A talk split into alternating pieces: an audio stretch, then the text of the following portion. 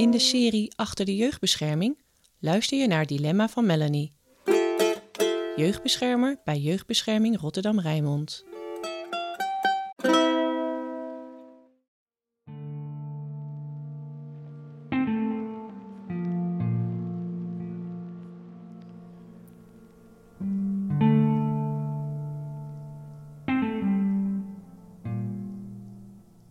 Ik zit bij moeder thuis in een flatje. En moeder is de moeder van Marie van 10 jaar oud.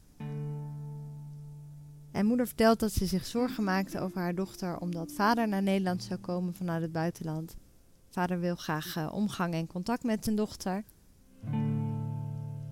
Mijn moeder vertelt dat ze heel erg bang is dat vader zijn dochter gaat ontvoeren. Ze vertelt ook dat de relatie met haar ex-partner jarenlang heeft bestaan uit mishandeling en misbruik ook regelmatig dat haar dochter daarvan getuige is geweest. Het Centrum voor Jeugd en Gezin zit ook bij het gesprek. En die hebben natuurlijk met moeder daar veel over gesproken. En gezegd van ja, als dit inderdaad de zorg is, dan hebben we de hulp van de jeugdbescherming nodig. Want dan zijn de zorgen erg groot. Die zorgen beaam ik. En ik zeg van nou, dan ga ik met vader in gesprek hierover om te kijken wat de zorgen zijn en wat we kunnen doen. Dus ik nodig vader uit op kantoor, die is inmiddels in Nederland.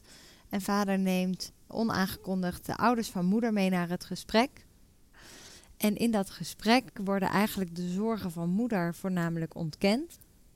En vertellen zij meer een verhaal over moeder, waaruit blijkt dat moeder eigenlijk degene is die, die de onveilige situatie voor dit meisje zou hebben.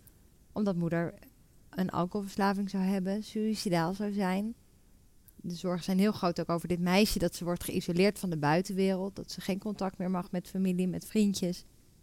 En eigenlijk ontstaat er dus een heel ander beeld. En eh, mijn dilemma is dan ook dat er dermate grote beschuldigingen zijn tussen ouders over en weer. Waardoor we ons enorm afvragen hoe veilig het meisje is bij zowel haar moeder als bij haar vader.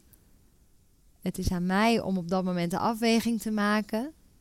Wat is het beste voor dit meisje? Alle andere partijen kijken heel erg naar mij. Want wat is nou jouw visie hierop? Dus de druk is ook nog eens heel groot om hier iets van te vinden. Terwijl het eigenlijk een heel onduidelijk verhaal is. Dus het is een groot dilemma voor mij.